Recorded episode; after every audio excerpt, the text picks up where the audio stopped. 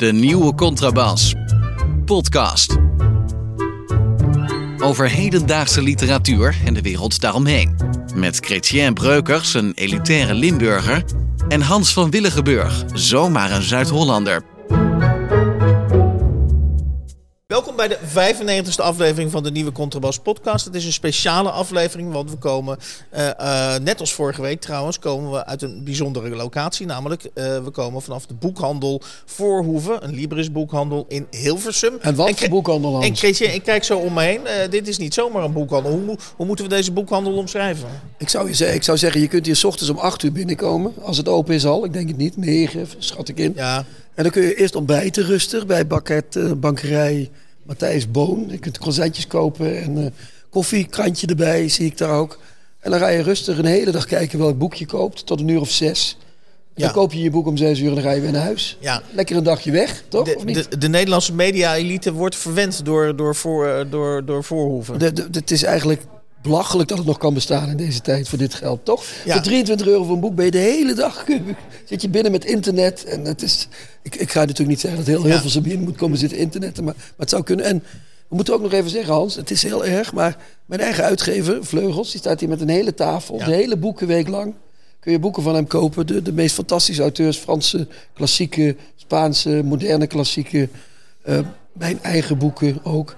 Je krijgt er nog een boekenweek geschenkt bij deze week ook. Dus ik, ja, waarom zouden mensen deze week niet komen hier? Ik, ik, ik denk dat dit wel uh, een aardig introductie-promootje uh, is, toch? Ja, ik denk dat we nu wel het geld verdiend hebben. Voor nu gaan we gewoon weer over op het, uh, op het gewone. Nou, ik, ik wou er nog één klein promootje aan toevoegen. Namelijk, we hebben het uh, in een van onze vorige afleveringen gehad over Ivonie. Uh, en die, die schrijft namelijk ook boeken. En ik heb wel het idee dat in deze omgeving zou die best wel een signeersessie van drie uur volhouden, denk dat, ik. Nou, dat, dat, dat is voor Ivo een klein, op die bank daar. Ik zie hem al zitten, jij niet? Heerlijk. gemaakt, gemaakt voor Ivonie. En maar glimmen, toch? Of ja, niet? Ja, ja, Fantastisch. Uh, wij zijn eergisteren, uh, want wanneer deze podcast online komt, dat is pas over anderhalve week. Maar we zijn dus eergisteren, even in tijd gerekend, op het, samen op het boekenbal geweest. Jij behoorde tot de geprivilegeerde groep die al om acht uur naar binnen mocht. Zeker, en, en, het officiële programma heeft meegemaakt. En ik behoorde zeg maar tot de grote groep jongeren die pas om tien uur naar binnen mochten. jij wilde graag, heb je mij verzocht, ook een, graag een politieke duiding geven aan het boekenbal. En vooral aan het, aan het voorprogramma, nou ja, wel, het programma. Het, het voorprogramma is altijd heel moeilijk bij, bij het boekenbal. Uh, soms uh, komt Lee Towers, dan is iedereen boos dat Lee Towers komt, want het heeft niks met literatuur te maken. Deze keer hadden we alleen maar literatuur. En dan denk je, ja, dat is ook niet altijd even leuk als dat gebeurt. Alleen maar literatuur? Uh, en het had ook iets van een Icon-programma, had het, als ik eerlijk moet zijn. Ja. Um, voor, de, voor de jongere luisteraars, Icon was ooit een, uh, een omroep. De Zoek maar even op via wiki. De interkerkelijke omroeporganisatie was dat of zoiets. Maar wat ik wil zeggen is het volgende. De, de, de, de, de geplaagde jeugdschrijver Pim Lammers, die kwam op een gegeven moment aan bij... Uh, bij, bij het boekenbal. Die ging zelf uh, voorlezen. Dus die was eerst ondergedoken geweest, heel lang. Uh, en die kwam op en er kwam een staande ovatie. En daar, ik stond ook op, moet ik eerlijk zeggen. Want ik durf, ben nou niet zo iemand die dan als enige blijft zitten. Uh, nee, dat, dat haal ik niet. Dat is zoveel karakter heb Je ik ging niet. mee in de massapsychose, ja, ja? natuurlijk.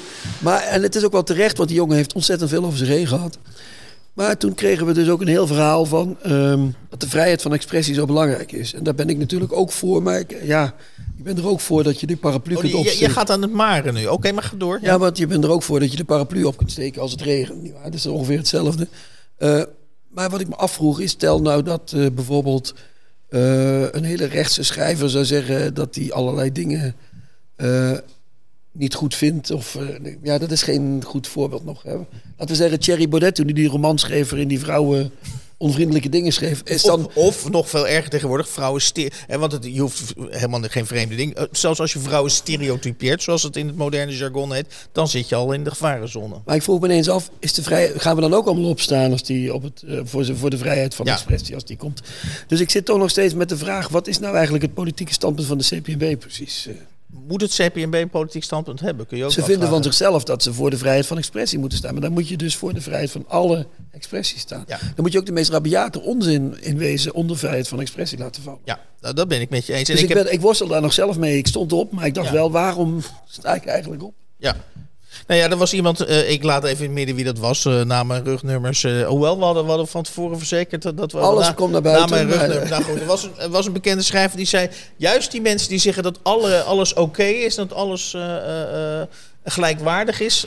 als je het daar dan vervolgens niet mee eens bent, met dat alles oké en gelijkwaardig is, moet je eens opletten hoe snel je dan met pek en veren wordt, wordt ja. afgevoerd. Nou denk ik wel dat die bekende schrijver die jij noemt en die wij niet gaan noemen dat hij zelf ook iemand is die met pek en veren begint te strooien als je het niet met hem eens bent. dus, dus, zie je, daar beginnen we al. We zitten al in een, een totaal uh, labyrint nu waar, we niet meer uitkomen. Wat, wat is dat, vrijheid van expressie? Uh, hier komen we niet uit, dus we gaan snel Nee, maar door. daarom wilde ik het ook even aan... ja. We hebben gisteren in de vorige uitzending was dat, maar die, die is dus een week geleden kwam die online. Daar hebben we met drie critici, zijn we met drie critici, prominente critici in de, in de slag gegaan over de ja, wat je een beetje met uh, ponteneur zou kunnen noemen, de stand van de kritiek. En jij ergerde je, en dat vind ik, uh, ergernissen zijn vaak een goede, goede bron voor een, voor een podcast en voor een uiteenzetting. Jij, jij was daar totaal verbaasd over dat een van die critici zei: Ja, ik wil in mijn kritiek een uitle dat de lezer het boek goed begrijpt. Ja, dat vind ik heel gek, want waarom zou je in hemelsnaam een lezer een boek gaan uitleggen? Toch of niet? Nou, ik ben bang. Dan kom je bij consumentenvoorlichting uit, toch? Ja, precies. Dat was een woord dat vele malen is gevallen. Ja. Maar, maar, eh, ik bedoel, ik, ik, wat vind je er zo vreemd? Kijk, ik, er zijn allerlei soorten critici. En misschien is er een soort criticus die zegt... nou, ik vind het wel belangrijk dat als ik een, uh, als ik een boek voorstel... Dat, dat ik de lezer een beetje een, een zetje geef van zo en zo zou je... of moet je het, moet je het lezen. Maar, eh, en, en ik zeg niet dat ik daar begrip voor heb of dat dat mijn, in mijzelf mijn, als criticus mijn eerste invalshoek zou zijn. Maar jij werd er echt oprecht uh, een beetje ja, is, uh, van slag. Uh. Ja, want ze, ze, zeggen altijd er, zijn minder, er is minder ruimte voor kritieken. Ja, gebruik ze dan goed. We kunnen ook gewoon een bijlage met allemaal advertenties gaan uitgeven. Dan zijn we meteen overal vanaf. Ja. Van, die, van die hinderlijke uitleggerige teksten die erbij mm -hmm. moeten worden geschreven, mm -hmm. toch of niet? Ja. Dat, dat, ik zie niet wat daar dan de extra waarde van is, van die redelijk. Ze was ook voor redelijkheid, was ze ook nog. Ja, ja, ja, ja, ja. ja. Oké. Okay. Dus, ik snap het gewoon niet. Jij wel, maar je kunt, ook het om, en dat, dat, je kunt ook het omgekeerde standpunt innemen. Als je een, een stuk over een boek schrijft, moet je het raadsel misschien over het boek juist vergroten. En daarmee de honger naar het boek. Je moet uh, inderdaad zo weten te schrijven dat de mensen denken dat ze het snappen, naar de boekhandel lopen en dan toch nog verbaasd zijn wat ze in huis gehaald hebben. Toch? Okay. Dat is wat je als criticus eigenlijk moet doen. Ja. Dat zei Kees het Hart ook, min of meer. Ja. Naast veel andere dingen die soms niet even aardig waren tegen ons. Ja, ja, ja. Dat hebben de mensen al gehoord. Prima. Uh, dan hadden we natuurlijk gisteren nog even weer terug naar het boekenbal. Ik, ik, ik, ik verplaats de schijnwerper. 10, 10 maart was dat de, de, voor, de, dus, voor de dus, tijdlijn even. Ja, precies. Was, ja. Ik verplaats de schijnwerper even weer terug naar het stad Schouwburg. Wat trouwens nu het International Theater, Theater Amsterdam heet. Net zoals Zandvoort Amsterdam Beach is. En, uh, Nijmegen zal binnenkort wel Amsterdam Resort heten of zo. Ik weet het niet. Uh. Maar, maar die verengelsing, daar worden we toch daar worden we wel kotsmisselijk van, toch? Nou, ik word er niet kotsmisselijk van, maar ik word er ook niet heel blij van. Ik weet niet wat ik ervan word. Oké, okay, nou, ik, ik, ik ga even... Toch, stel je voor dat ze... Ik heb heel lang in Praag gewoond. Het was, nou ja, bijna vier jaar. Dat ze daar het, het Nationaal Theater, naar Rodney uh, uh, mm -hmm. uh, Divatlo... dat ze daar tegen zouden zeggen van International Theater. Ik denk dat de Pragenaar dan met, met, met, met hakbijlen naar het theater gaat... om daar eens even orde op zaken te stellen. Dus ik begrijp ook niet waarom Nederlanders dat pikken allemaal. Maar goed, dat is mijn oude mannenopmerking natuurlijk. Maar goed... Oké. Okay. is toch vreemd. Even terug nog naar het boekenbal. Je hebt, je hebt daar die, uh, ook in het boekenbal, net als in Den Haag, heb je een soort wandelgangen. Ja, en die wandel, maar. Uh, en, die wa en, die, en die wandelgangen, uh, je, daar, daar kom je dus, als het goed is, daarvoor gaan mensen ook naar het boekenbal. Je, komt daar, je kunt daar zeg maar binnen 100 meter kun je uh, vele bekende Nederlanders en ook vele bekende schrijvers tegenkomen. Uh, uh, mijn bewering tegenover het CPNB, want ik, ik werd door het CPNB min of meer geappt. Zo van, wat vond je ervan? Dus ze hadden me niet alleen uitgenodigd, ze wilden ook graag nog een recensie van mij dat over hoe, leuk, hoe, hoe, ik het had, hoe ik het had ervaren.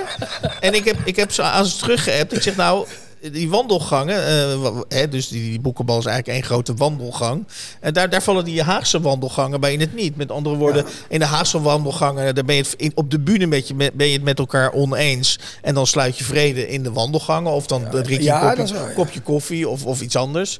Uh, uh, hoe heb jij die wandelgangen ervaren na zoveel jaar? Want je was eerder geweest op het boekenbal. Voor mij was het allemaal, ik was debutant zeg maar op mijn 59ste. Maar hoe ervoer jij gisteren die wandelgangen? Er waren namelijk wel wat schrijvers uh, die om ons heen bewogen, toch? Of die, die ons ontweken.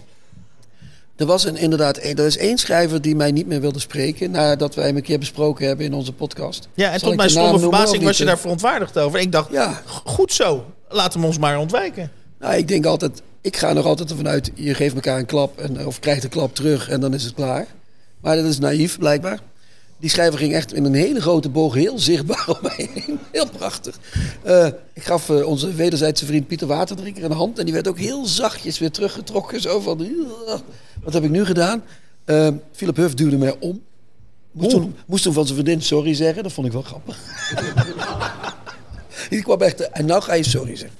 Dus dat was, maar, maar verder was het wel heel prettig, toch? De, de, is inderdaad, Maar er is geen overeenstemming op het boekenbal. Dat is een, een, ding wat zeker Er is geen overeenstemming? Ik heb een prachtig uh, iets meegemaakt. De Propria Cures, het beroemde eh, studentenblad ja, ja. in Amsterdam. Die stonden met z'n allen. En er was één schrijver die was onlangs helemaal over de kam gehaald door een van de redactieleden, Aaron Groot. Maar daar, daar is Propria Cures voor opgericht, toch? Ja, maar die man die was inmiddels zo dronken. Komt helemaal uit Tilburg naar het boekenbal. Martijn Neggers heet hij. Die.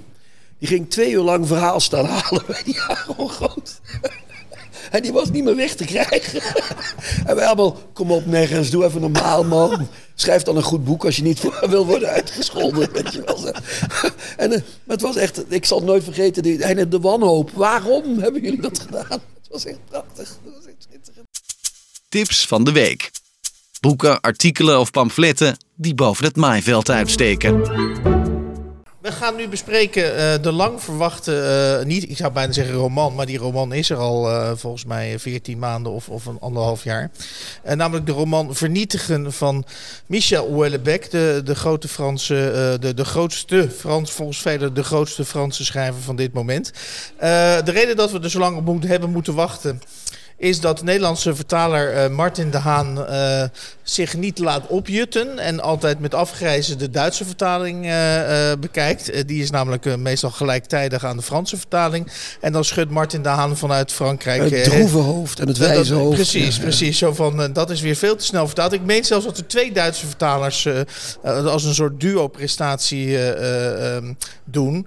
maar voor ons ligt dus nu de prachtige, dat, dat kunnen we alvast verklappen, de prachtige Nederlandse vertaling van de laatste roman van, uh, niet van de allerlaatste, want misschien gaat hij er nog meer schrijven, maar van de meest recente roman van Michel Houellebecq, Vernietigen. En uh, ja, wij gaan daar een, een kwartier over lang of twintig minuten lang iets zinnigs over proberen te zeggen. Ja, Houellebecq is jouw, jouw hoe heet dat? fetish auteur. Hè? Dus, dus heel, hij je bent altijd, als je, auteurs, als je een auteur vergelijkt met iemand, vergelijk je met Wellebeck. Je eh, kunt bij jou geen drie minuten met jou praten over het woord Wellebek valt zes of zeven keer. Ja, je, je bent de Wellebek in het diepst van je gedachten. Je kaats, je kaats dat heel terecht naar mij terug. Dus ik wil zeggen, ga jij eens uitleggen waar het boek over gaat, Hans? nou, om te beginnen wil ik zeggen dat ik inderdaad... Uh, um, uh, bijna geen afstand tot deze auteur heb. En als criticus is dat wel een probleem. Omdat als ik uh, boeken van... Je hebt hem ook ontmoet, hè? Echt, ik heb hem ook ontmoet. Ik heb, hem ook je zijn voeten gekust? Of nee, dat... Het kan tegenwoordig, sinds de pornofilm is dat uh, te ja, doen. kunt, okay, ja, fysiek contact is mogelijk. Ja. Zeg maar, ja. Uh, nee, het probleem met, met Wellebeck is dat uh, als ik die boeken lees... en dat geldt eigenlijk voor elke roman van Wellebeck... en dat geldt ook weer voor dit boek... is dat ik zin voor zin denk, hoe is het nou mogelijk? Uh, nogmaals, ik wil mezelf absoluut niet met hem vergelijken. Maar hoe is het nou mogelijk dat hij het precies hetzelfde lijkt te ervaren of lijkt te zien als dat ik, uh, als dat ik het zie? Misschien kan ik gelijk met een. Gaan we nu al citeren? ik ga gelijk, met, een, met, ik, ik, ga gelijk met het citaat beginnen. En dat is van uit pagina 420.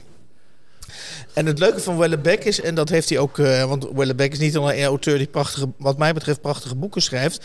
Hij heeft ook in verschillende geschriften uh, kont gedaan van het feit hoe hij die boeken schrijft. En een van zijn inspiratiebronnen is bijvoorbeeld H.P. Lovecraft. Uh, als u uh, uh, nieuwsgierig bent naar H.P. Lovecraft, noteer die naam. bent u geïnteresseerd in Wellebeck, dan bent u mogelijk ook geïnteresseerd in het oeuvre van H.P. Lovecraft. En een van de dingen die hij van H.P. Lovecraft heeft geleerd, is dat als er iets alledaags voorbij komt in zo'n romans, dat het een heel vervreemdend effect heeft als je het heel ingewikkeld gaat maken. Dus met andere woorden, hè, een vrijpartij, dan gaat Wellebeck vaak over fenomen of andere hormonen ingewikkelde betogen houden, waardoor die vrijpartij een hele andere wat, wat nou, bijna een soort biologische aangelegenheid. Exact, exact. Nou, en deze passage is, is hoogpolitiek, maar ook weer zo'n, wat mij betreft, op een rare manier toch weer verhelderende passage. Uh, pagina 420. Ik citeer. De liberale doxa bleef het probleem negeren, vervuld van het naïeve geloof dat winstbejag elke andere motivatie kon vervangen en in zijn eentje de mentale energie kon leveren die nodig is om een complexe sociale structuur in stand te houden. Dat was duidelijk onjuist. En het leed voor Paul geen twijfel dat het hele systeem met een enorme klap ineen zou storten, zonder dat tot dusver duidelijk was wanneer en hoe dat zou gebeuren. Maar het moment kon nabij zijn en de manier waarop heftig. Hij bevond zich dus in de bal dus. Hij bevond zich dus in de merkwaardige situatie dat hij gestaag en zelfs met een zekere toewijding meewerkte aan de instandhouding van een maatschappelijk systeem waarvan hij wist dat het onherroepelijk ten dode opgeschreven was en waarschijnlijk niet pas in een verre toekomst. Hij lag van die gedachten niet wakker. Integendeel, ze brachten hem gewoonlijk in een staat van mentale vermoeidheid, waardoor hij snel in slaap viel. En hier eindigt deze, uh, pas, uh, eindigt deze alinea. En dan neem ik toch nog even de eerste zin van de volgende alinea uh, mee, omdat dat toch wel weer aangeeft hoe briljant Wellebeck is. Dus een hele, we hebben dus een hele sombere maatschappijanalyse gelezen. En, en eigenlijk zegt de hoofdpersoon Paul dus, ja, ik werk eraan mee, maar ik lig er ook niet wakker. Maar hij ligt er dus ook niet wakker van. En dan zegt hij, dan vervolgt Wellebeck, verrassend genoeg, ging er in een nogal lelijke neg... Oh nee, sorry, dat is een andere. De, nee, nu, nu, nu vergis ik mij. Dat gaan we er even uitknippen. Uh, nee, want er, ergens verderop komt Paul tot de conclusie... Misschien moeten we dit er wel in laten. Uh, ergens verderop ja, ik vind het wel leuk dat gestunt Ja, precies. Oké, okay, ergens, ergens, ergens verderop komt Paul tot de conclusie... dat hij beter helemaal niet meer kan... dat het beter is voor zijn gezondheid... om helemaal niet meer na te denken. Laat staan dat hij aan dit ineenstortende systeem uh, gaat denken. Ja, ik snap precies wat je bedoelt. En dat is wat Wellebeck eh, altijd in ieder geval ook in zijn vorige boek eh, doet. Hè? Dat is een van zijn vaste methodes. Um, het leest als een trein, ook dit boek weer trouwens. Mm -hmm. En toch is het iets nieuws, gek genoeg, of niet? Maar je hebt nog steeds niet gezegd waar het ongeveer... Ja, Probeer nou, heel ik, kort eens even te ja, zeggen waar het over gaat. Volgens mij gaat dit boek, uh, en daarom heet het denk ik... Uh, dus ook een hele simpele verklaring voor de titel. Volgens mij gaat het over desintegratie uh, op allerlei niveaus. Dus het gaat over de, het de, langzaam desintegreren van Paul. Paul van allerlei, ja, maar misschien van Raison. Van, van Paul Raison. En, precies, Paul heet niet voor niks Raison. Dus ja. in feite wordt de, de ineenstorting van de reden wordt, gesymboliseerd. En het gaat over desintegratie van van, van, van de wereld om ons heen. Ja, want al die mensen hebben ook van die namen die daarmee te maken hebben. Prudence. Hè? En, uh, en andere. Het is bijna alsof al die figuren puppets zijn van een verdwijnend iets. Ja. Toch? Van de verdwijnende wereld. Zeker, zeker. Ja. En, en, en, en wat, wat, wat, wat een terugkerend thema uh, van Wellebe. Ik, ik zou dit kwalificeren als een magnum opus. In de zin dat alle thema's die in zijn vorige boeken. Uh, maar zeg eens waar het over gaat, Hans. Het gaat over. Ja, dat recensente toontje, dat heb je aangeleerd toen we bij de ja, ja, okay, maar, maar nu even waar het over gaat. Het gaat over, een, het gaat over een, een, een ambtenaar. Dat is ook heel typisch Wellebeck. Het zijn nooit ondernemers, maar het zijn ambtenaren die, die leidzaam zijn aan beleid, aan beleid en aan beleidsregels. Ja. En uh, die ambtenaar is uh, assistent van een bekende minister in Frankrijk. Die Frankrijk opstrueert. Bruno, hoe heet hij ook alweer met zijn achternaam? Bruno Jonge jongen, ja. ja. Dus die is nog wel uh, actief, hè? Dat is nog... Uh, ja. ja. Ja, ja, die is nog jong, hè? Ja. En, uh, en ondertussen is er, is er een hele... Bruno Jongens is dus minister in de regering van Frankrijk. Het speelt zich af rond 2026. En een van de desintegratie, soorten desintegratie waar die mee te maken heeft... is dat er allerlei terroristische aanslagen in Frankrijk ja. worden gepleegd. En op een heel hoog niveau. Op een heel hoog niveau. Uh, in wel, ja? Nou ja, in die zin dat hele systemen en hele bedrijven worden overgenomen, maar niemand ziet wie het gedaan heeft. Nee.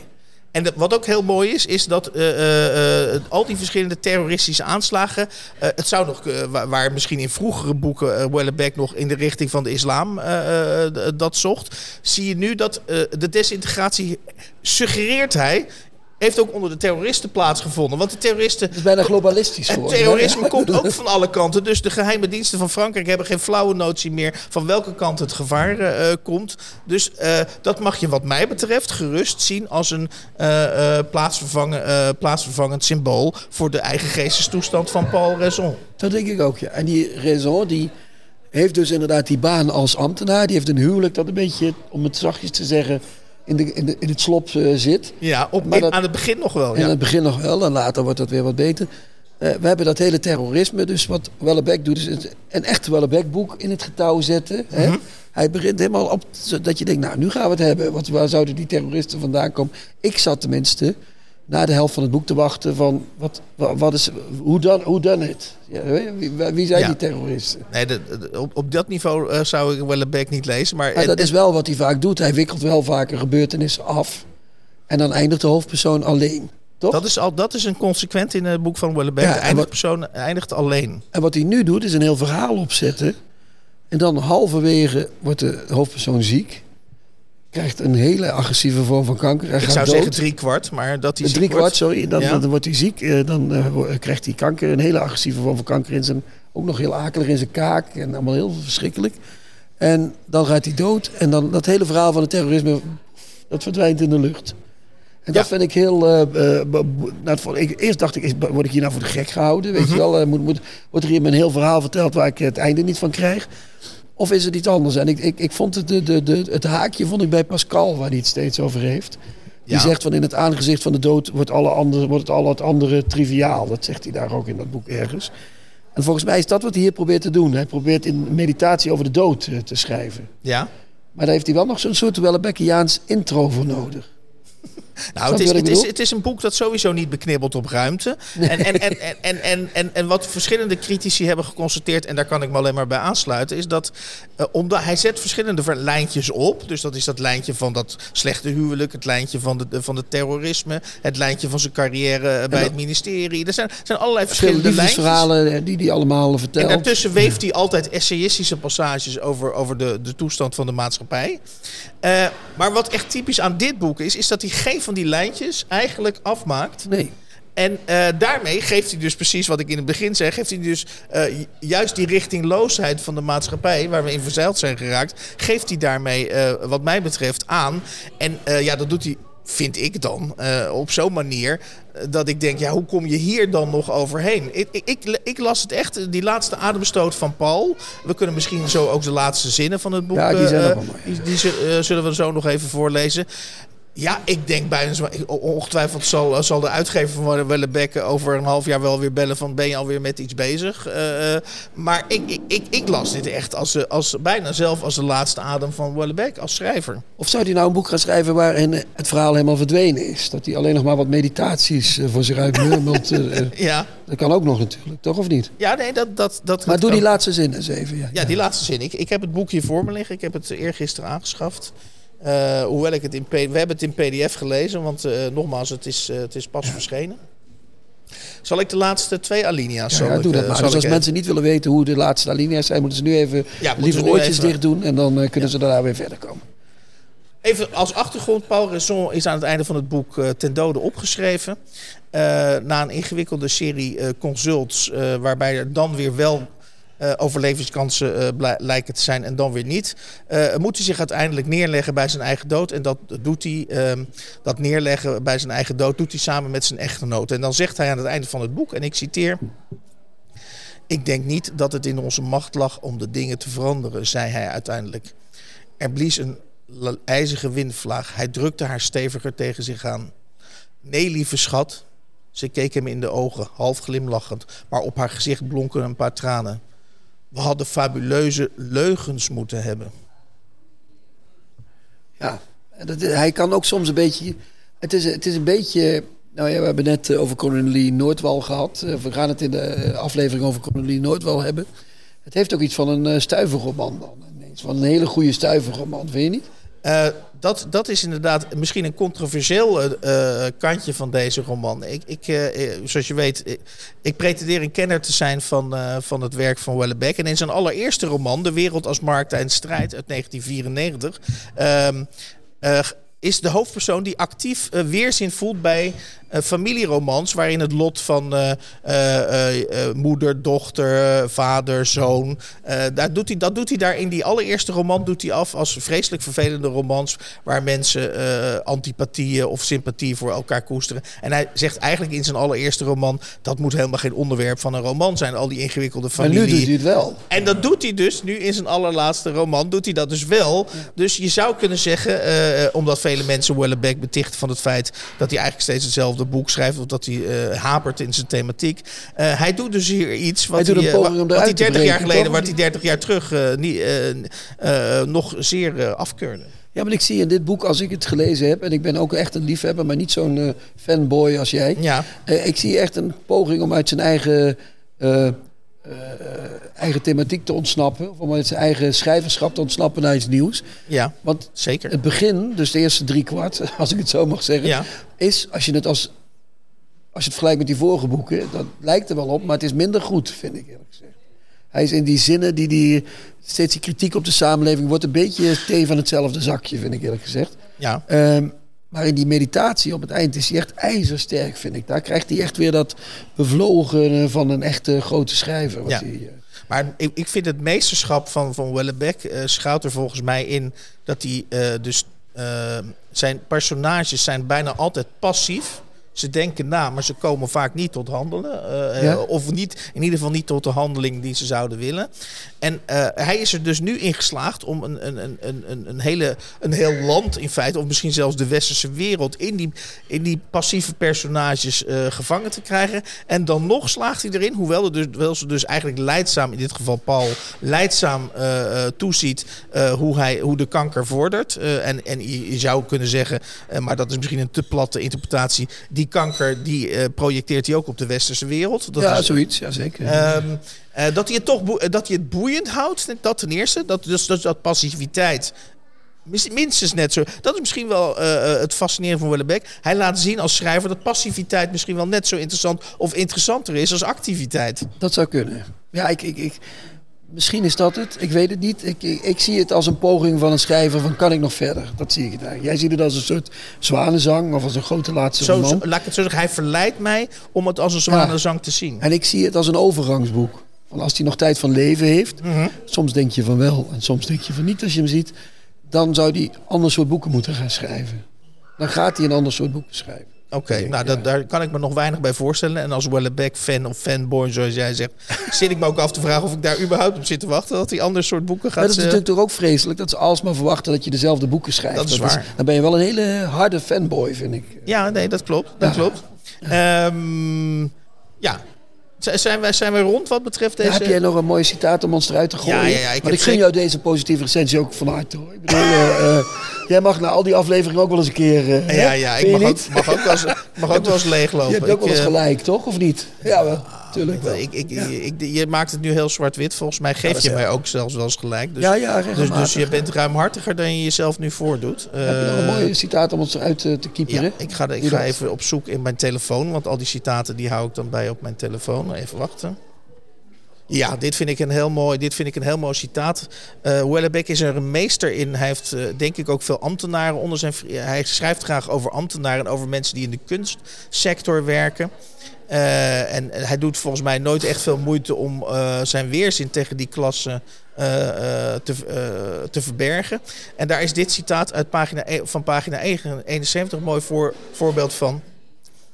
Het was allemaal erg harmonieus en vooral opmerkelijk rustgevend.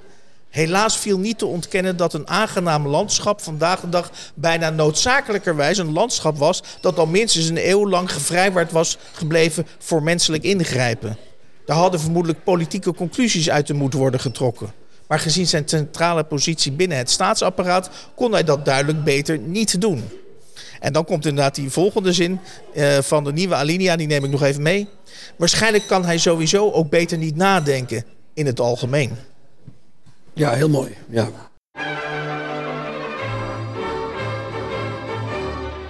Wil je beter leren schrijven en ben je op zoek naar het gouden schrijfadvies? Natuurlijk ben je dat.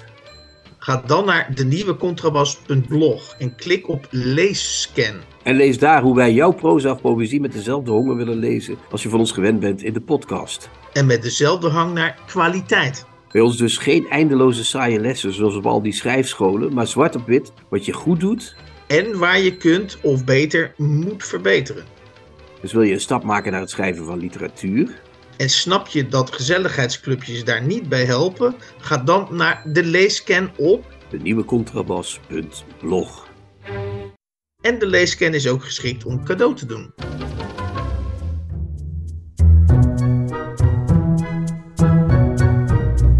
De nieuwe contrabas. Podcast.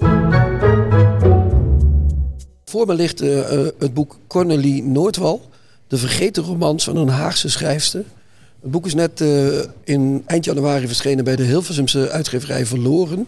Die boeken kun je ook allemaal in uh, Libris voorhoeven krijgen als je daar een dagje gaat zitten, internetten. Hè? Zullen we nog een keer zeggen. Uh, voor, naast me zit de schrijver van het boek, meneer Wim Tigges. U bent nu met pensioen, begrijp ik, of niet? al heel lang, ja, heel maar lang, ik ben nog, ben nog heel actief. Ja, u bent universitair hoofddocent geweest aan de Universiteit van Leiden. Uh, u heeft dit boek geschreven over deze mevrouw, Cornelie Noordwal. Inderdaad een vergeten schrijfster, dat kunnen we wel zeggen. Uh, ze is geboren in Den Haag in 1869, gestorven in Parijs 1928. Uh, heel kort, ik, ga u onderbreken, want ik ken uw spreektempo inmiddels uit het voorgesprek. Uh, Cornelie Noordwal, wat weten we wel van haar? Want we weten weinig van haar, toch? Ja, we weten heel weinig van haar, omdat ze zelf niet zo in de belangstelling wilde staan. Ze vond zichzelf niet aantrekkelijk. Maar ze was kennelijk ook uh, zo van, als ik een brief krijg, die geef ik antwoord, maar die brief zelf verscheur ik. En bovendien, ze is nooit getrouwd, ze heeft geen nageslacht. Zij was van Joodse afkomst en uh, de familie die ze had in dat tijd is voor een groot deel in de oorlog omgekomen. Zij heeft dat gelukkig niet zelf hoeven mee te maken. Maar wie zij is, dat moeten we dus eigenlijk afleiden uit haar, uit haar romans. En die romans die waren ja, letterlijk vergeten. Zij is een tijdgenote van Louis Couperus. Maar die boeken zijn nauwelijks meer te krijgen en ik vind ze al een hele tijd interessant. Ik dacht, het wordt eens tijd om die boeken te beschrijven en aan de lezer te laten zien hoe interessant het is om uh, ook zo'n vrouwelijke schrijfster weer eens uh, onder de aandacht te brengen. U, u zegt, ik, ik vind het al heel lang interessant. Wanneer begon het allemaal met u, tussen u en Cornelie? Wanneer is het aangeraakt? Eigenlijk al in mijn, in mijn schooltijd. Ik, was, uh, ik ben altijd erg verzot geweest op de romans van, uh, van Louis Couperus. Vooral zijn Haagse romans, familieromans, want ik zelf uit Den Haag kom. En iemand zei tegen mij van als je Eline Veren zo'n mooi boek vindt, dan vind je Intranos van Cornelie Noordwal misschien ook wel mooi. Nou, dat kreeg ik dus te leen van een familielid. En ik las dat. En ik vond dat toen als 16-jarige al een heel mooi boek. ook een tragische liefdesgeschiedenis. Een vrouwelijke jonge hoofdpersoon die erg doet denken aan Eline Veren in veel opzichten. Dus ik heb dat boek toen echt uh, met veel plezier gelezen. En jaren later kwam ik het weer eens tweedehands tegen. Ik dacht, oh ja, zo mooi vroeger. Weer eens herlezen. En toen dacht ik, dit is toch best een goede schrijfster. Waarom kent niemand deze schrijfster? En toen ben ik al haar boeken gaan verzamelen. Een paar artikelen erover geschreven. welke jaren zijn we nu? Jaren 50? Dan zijn, nee, dan zijn we al in de, in de jaren... Nou, in de jaren 90 ben ik begonnen om ze te verzamelen. En, ja, een beetje fan de cercle idee van hoe zat dat in die tijd, eind 19e eeuw, rond 1900, dat zij die boeken schreef. En uh, geleidelijk aan uh, vond ik dus al die boeken die de mensen die in de tijd zo enthousiast over ze waren, uh, intussen naar de tweedehands boekhandels hadden gebracht. En ik kon ze dus allemaal lezen en toen dacht ik van ja, er zijn nog meer van haar romans dan Intranos. Dat is misschien wel haar beste werk, maar uh, zij heeft een heel gevarieerd uh, genre. Er zit humor in, het is in veel opzichten ook nog actueel. Deze schrijfster moet weer onder de aandacht komen en dat dacht ik in de jaren tien, dus zeg maar een jaar of tien geleden. Ik heb een paar artikelen geschreven in, in Nederlandistiek vakbladen, dus die worden natuurlijk niet door zoveel mensen gelezen. En, ja. Maar u, u zegt actueel, dat, dat, dat is een interessant. Wat, wat, ik zou mijn, mijn vraag zou zijn, wat, wat is actueel aan dit, aan dit uh, uh, oeuvre, zou ik, zou ik willen zeggen. En twee, uh, Cornelie, als ik u goed begrijp, was zelf iemand die erg teruggetrokken was, of niet, niet uit op publiciteit. Terwijl we leven nu in een tijdperk dat, dat vrouwen natuurlijk juist heel erg graag in de kanon genoemd willen worden en zich bewust zijn van hun uh, misschien uh, machtspositie of het gebrek aan machtspositie. Uh, wat is er actueel, dat is mijn eerste vraag, wat is er actueel aan het, aan het oeuvre van Cornelie? Mag ik daar wel even een tussenvraag bij stellen? Want dat, dat, dat, hoort erbij even. Want ze schreef niet alleen vol, romans voor volwassenen, maar ook jeugdromans. Ja, en, ja. En, en, en kasteel achter een Ja, romans. nou ja, dat is een beetje in de jaren 20, 30 kwam natuurlijk eh, eh, de litera- literatuurkritiek hè, op. Niet alleen dus de, de critici in kranten en tijdschriften, maar ook eh, academisch. En het werk van wat door vrouwen geschreven was en wat vooral over dingen ging die vrouwen dan zouden interesseren. Hè, dat stereotyperingen van, van vrouwen die eh, eh, nou ja, zich voor, op het huwelijk moeten voorbereiden. Ehm, daar heeft zij zich al tegen verzet. En er waren natuurlijk meer schrijvers uit die tijd, vrouwelijke auteurs, die dat deden. Alleen door de, door de literatuurkritiek in die dagen, Duperon en, en tijdgenoten, die eh serveerden haar gewoon af als ja, dat zijn inderdaad, eh, eh, dat, is, dat is triviaal literatuur, familieromans. Mhm. Hè, dat kunnen we niet serieus nemen. En als je ze nu leest, ze geven niet alleen natuurlijk na ruim, ruim 100 jaar een heel leuk beeld van hoe het was om in een stad als Den Haag te leven. Niet als uit de hogere kringen zoals Louis Couperus beschreef, Ja. maar ook uit van werkende mensen, met name werkende vrouwen, krachtige vrouwen die proberen zichzelf een, een leven te ontwikkelen. Daar gaan veel van die boeken over. Zij was eh, van Joodse afkomst, dus ze heeft in twee van haar romans, eh, Ursula Hagen en Greet Hemming, heeft ze hoofdpersonen. In het ene geval een Joods meisje, in het andere geval een christelijk meisje.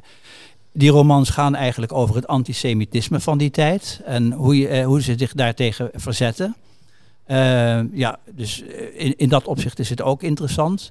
Maar u, u noemde volgens mij, als ik u goed citeer, eh, u zei, u zei verzetten zich daartegen. Ja. En, en, en, maar was dat een actief verzet? Want ik lees het vooral ook als een soort niet, een soort eh, niet-deelname. Dus, dus u zegt al, ze was niet getrouwd. Dus in feite bestond, bestond het verzet eruit dat ze er niet aan meedeed. Nou ja, In in het boek, als je dat boek, een boek als Ursula Hagen leest, hè, dat is een, een, een Joods meisje wat in een, bij een protestantse dame komt te werken. Die is heel tolerant, maar haar zoon, hè, die begint voortdurend, oh we krijgen een Jodinnetje, dat zal wel geschreeuwd worden en zo. En hij, hij plaagt haar voortdurend. Uiteindelijk loopt het natuurlijk op uit dus dat ze elkaar krijgen. Hè. Dat hoort ook een beetje bij Het is dat toch een soort. Hallmark movie, Maar, zeg maar. nou ja, maar het is toch eh, heel interessant om te zien hoe in die tijd, en dat vergeten we, we denken natuurlijk aan de, aan, hè, de jaren van eh, het nazisme en de jaren dertig en ook het hedendaagse antisemitisme. Maar in die tijd was dat natuurlijk ook eh, heel actueel.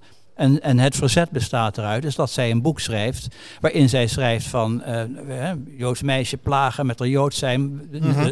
Ik zal eens even laten zien bij hoe ze zich daartegen verzet. Heel goed, ja. Ja. En u zei, want er zit ook nog iets van, eh, je, je hebt het tegenwoordig in het academische debat en in het eh, politieke debat hebben we het veel over decoloni- decolonialisme. Maar zij is natuurlijk ook iemand die heel veel over dat kolonialisme schrijft, dat. Indische eh, gedeelte. Zij had om een of andere reden had ze een, een, een voorliefde, zou je kunnen zeggen, voor, voor Indische jonge mannen. Er kwamen natuurlijk veel Indische ambtenaren, die kwamen af en toe met, eh, met congé, met vakantie naar, naar Nederland. Dus ze werden vroeg gep- gepensioneerd. En in bijna ieder, elk van haar romans, met name in Intranos, wat haar beste roman is, komen ook Indische mensen voor. Dus het, het appelleert ook een beetje aan hoe dat toen was. Hè. Toen was het natuurlijk eh, Nederlands-Indië, was nog een kolonie. En hier le- komt toch een hoop te weten over eh, mensen die dan nou ja, als held terugkeren van, van, een, van de Aceh-oorlog die aan de gang was. Dat was natuurlijk ver van het bed van de mensen die tijd. Zij verwijst daarnaar. Hè, en zij verwijst ook naar, naar andere. Zij heeft allerlei politieke verwijzingen ook in dat boek. Eh, in dat boek hè, En ook die dus- Dreyfus hè, en zo, dat, ja, dat soort dingen. Dreyfus ook, hè, ten aanzien van het, van het antisemitisme.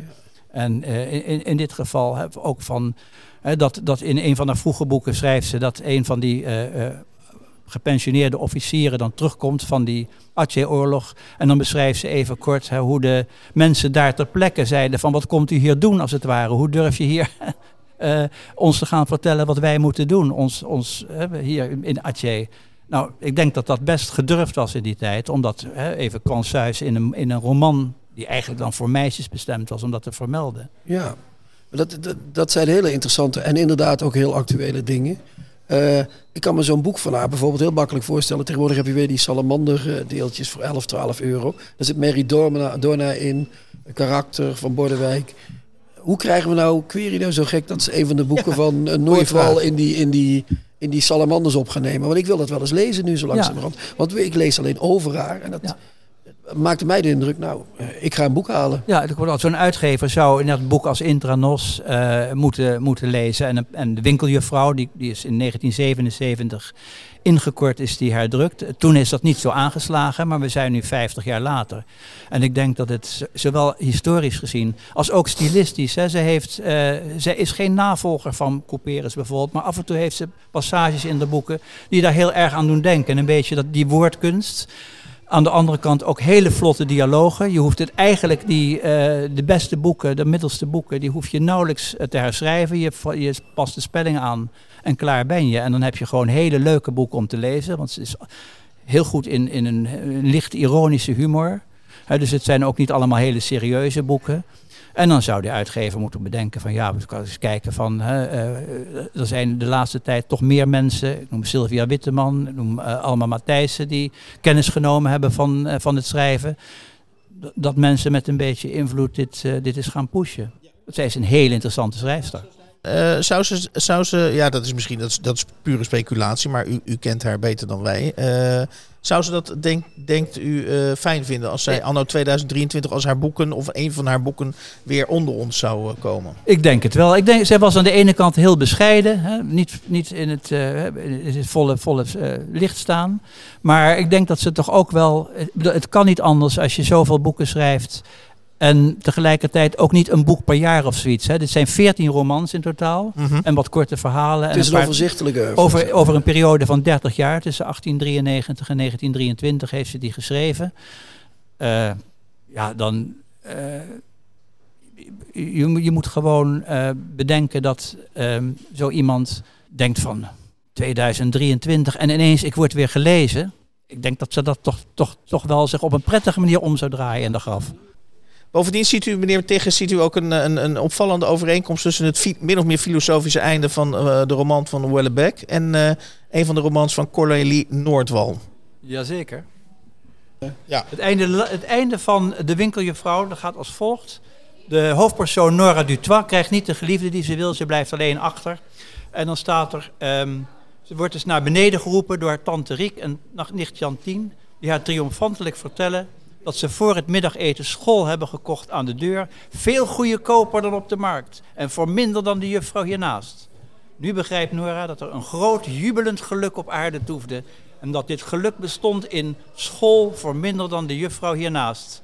En dat ander geluk voor een winkeljuffrouw in Lazodor te hoog, veel te hoog gegrepen is. En de laatste zinnen van het boek luiden dan... Enige weken later zag ze Jan wandelen met Kitty Iets intiems in het buigen der hoofden tot elkaar, haar opzien tot hem, zeide Nora dat ze waren verloofd, al liepen ze niet gearmd. Ze liepen in de Hoogstraat, aan de overkant van haar. Oh ja, ze moest slaolie meebrengen voor tante Riek en hem de knoopjes voor nicht. Dat vind ik toch ook een mooi, boeiend einde. Ja, en dat hadden Connolly en Michel elkaar maar ontmoet in die tijd. Dat zou mooi zijn geweest. Wie weet. Ze zat in Frankrijk de laatste twintig jaar van haar leven. Als Wellebeck wat eerder geboren was. Heel spannend laten we hierbij beloven, mede namens Chrétien, uh, dat wij in ieder geval het gewicht dat de nieuwe Contrabas podcast heeft. Ik weet niet hoeveel gewicht dat is, maar... Oh, het uh, ligt er een beetje aan hoe je gewicht in dit geval definieert. nou, het feit dat u mij hiervoor uitnodigt, dat, zegt al veel. Dus ja, daar ben ik ook heel dankbaar dus, voor. Uh, ja, dat is, mo mochten wij iets kunnen betekenen aan, voor de heruitgave van dit werk, dan gaan we dat zeker supporten. Ja, ik denk ook dat we de dames, collega's, zusters van de show van Fix dit moeten aanzwengelen en zeggen van... Uh, jullie zeggen dat Andreas Bernier een vergeten schrijver is, maar dit is pas echt een vergeten schrijver. Yes, yes. Ga daar eens achteraan. Dus hup, hup, hup. Dus noem nog één keer haar naam. Cornelie Noordwal. Het uh, boek heet Cornelie Noordwal, de vergeten romans van een Haagse schrijfster. Hou ik ook van als de titels tenminste zeggen wat er in het boek staat. En uh, de auteur Wim Terres was hier te gast. We danken u zeer hartelijk voor uw ja, geweldige bijdrage. Dank u wel. Graag gedaan. Merci.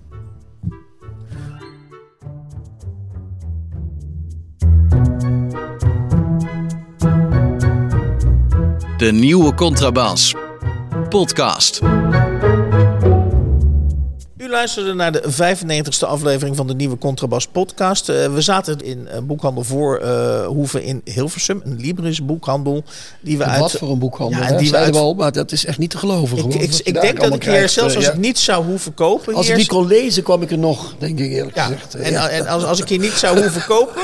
Dan zou ik nog af en toe eens een keer naar Hilversum rijden om... Gewoon met de fiets zou ik gaan zelfs, denk ik eerlijk gezegd. Maar goed, ja. Um, had, jij, had jij al onderhandeld over het honorarium, hebben, Hans, of niet? Hebben we al genoeg benadrukt dat we dit een fijne boekhandel vinden? Ik denk het wel, dat ze er nu wel achter zijn. Okay, of okay, niet? Goed, goed, goed. Um, in deze uh, uh, aflevering uh, kwam, kwamen voorbij onder meer onze bespreking van, het, van de nieuwe roman van Michel Houellebecq... Vernietigen, verschenen bij uitgeverij De Arbeiderspers. Zoals alle boeken van Michel Houellebecq en vertaald door Martin de Haan. uitgekomen in 2023. En Chrétien, we hadden een gesprek met, met meneer... Wim Tigges, de, de, de, mannelijke fixditter van dienst... die uh, sprak over zijn net verschenen boek Cordelie Noordwal, De Vergeten Romans van een Haagse schrijfster. Januari 2023 bij uitgeverij Verloren verschenen. Ja, en ik zou als slotgedachte van deze aflevering, uh, Chrétien, uh, willen, naar voren willen brengen we moeten meer, uh, we moeten meer de buitenwereld in. Uh, Zoom is leuk. En, uh, en, en, en voor de altijd al binnen zitten is ook wel aardig. Maar... Ja, maar we moeten, ik vind het wel stimulerend om de wereld in te gaan. Dus zijn er mensen die ons op andere plekken graag willen zien... dan kunnen ze altijd verzoeken indienen. Ja, ja, dat zeker. Ja. En tot die tijd zeggen wij gewoon weer zoals altijd... Tjoe tjoe, ciao ciao. Ciao ciao ciao. De nieuwe Contrabas podcast wordt gemaakt door Chrétien Breukers, Hans van Willigenburg en Erik Lindenburg. Kijk jij ook elke week uit naar de nieuwe Contrabas podcast? Voeg dan de daad bij het woord en word officieel supporter. Dat kan al vanaf 1 euro per week, oftewel 52 euro per jaar. Draag je ons een heel warm hart toe, dan kun je ook Golden Supporter worden voor 104 euro en Platinum Supporter voor 208 euro per jaar. En wat krijg je daarvoor terug? Dan luister je met nog meer plezier naar ons uitgesproken geluid wekelijks over literatuur. En wat je ook geeft, ga naar gofundme.denieuwecontrabas.blog. Nog één keer? gofundme.denieuwecontrabas.blog. Hup, hup, hup. Hup.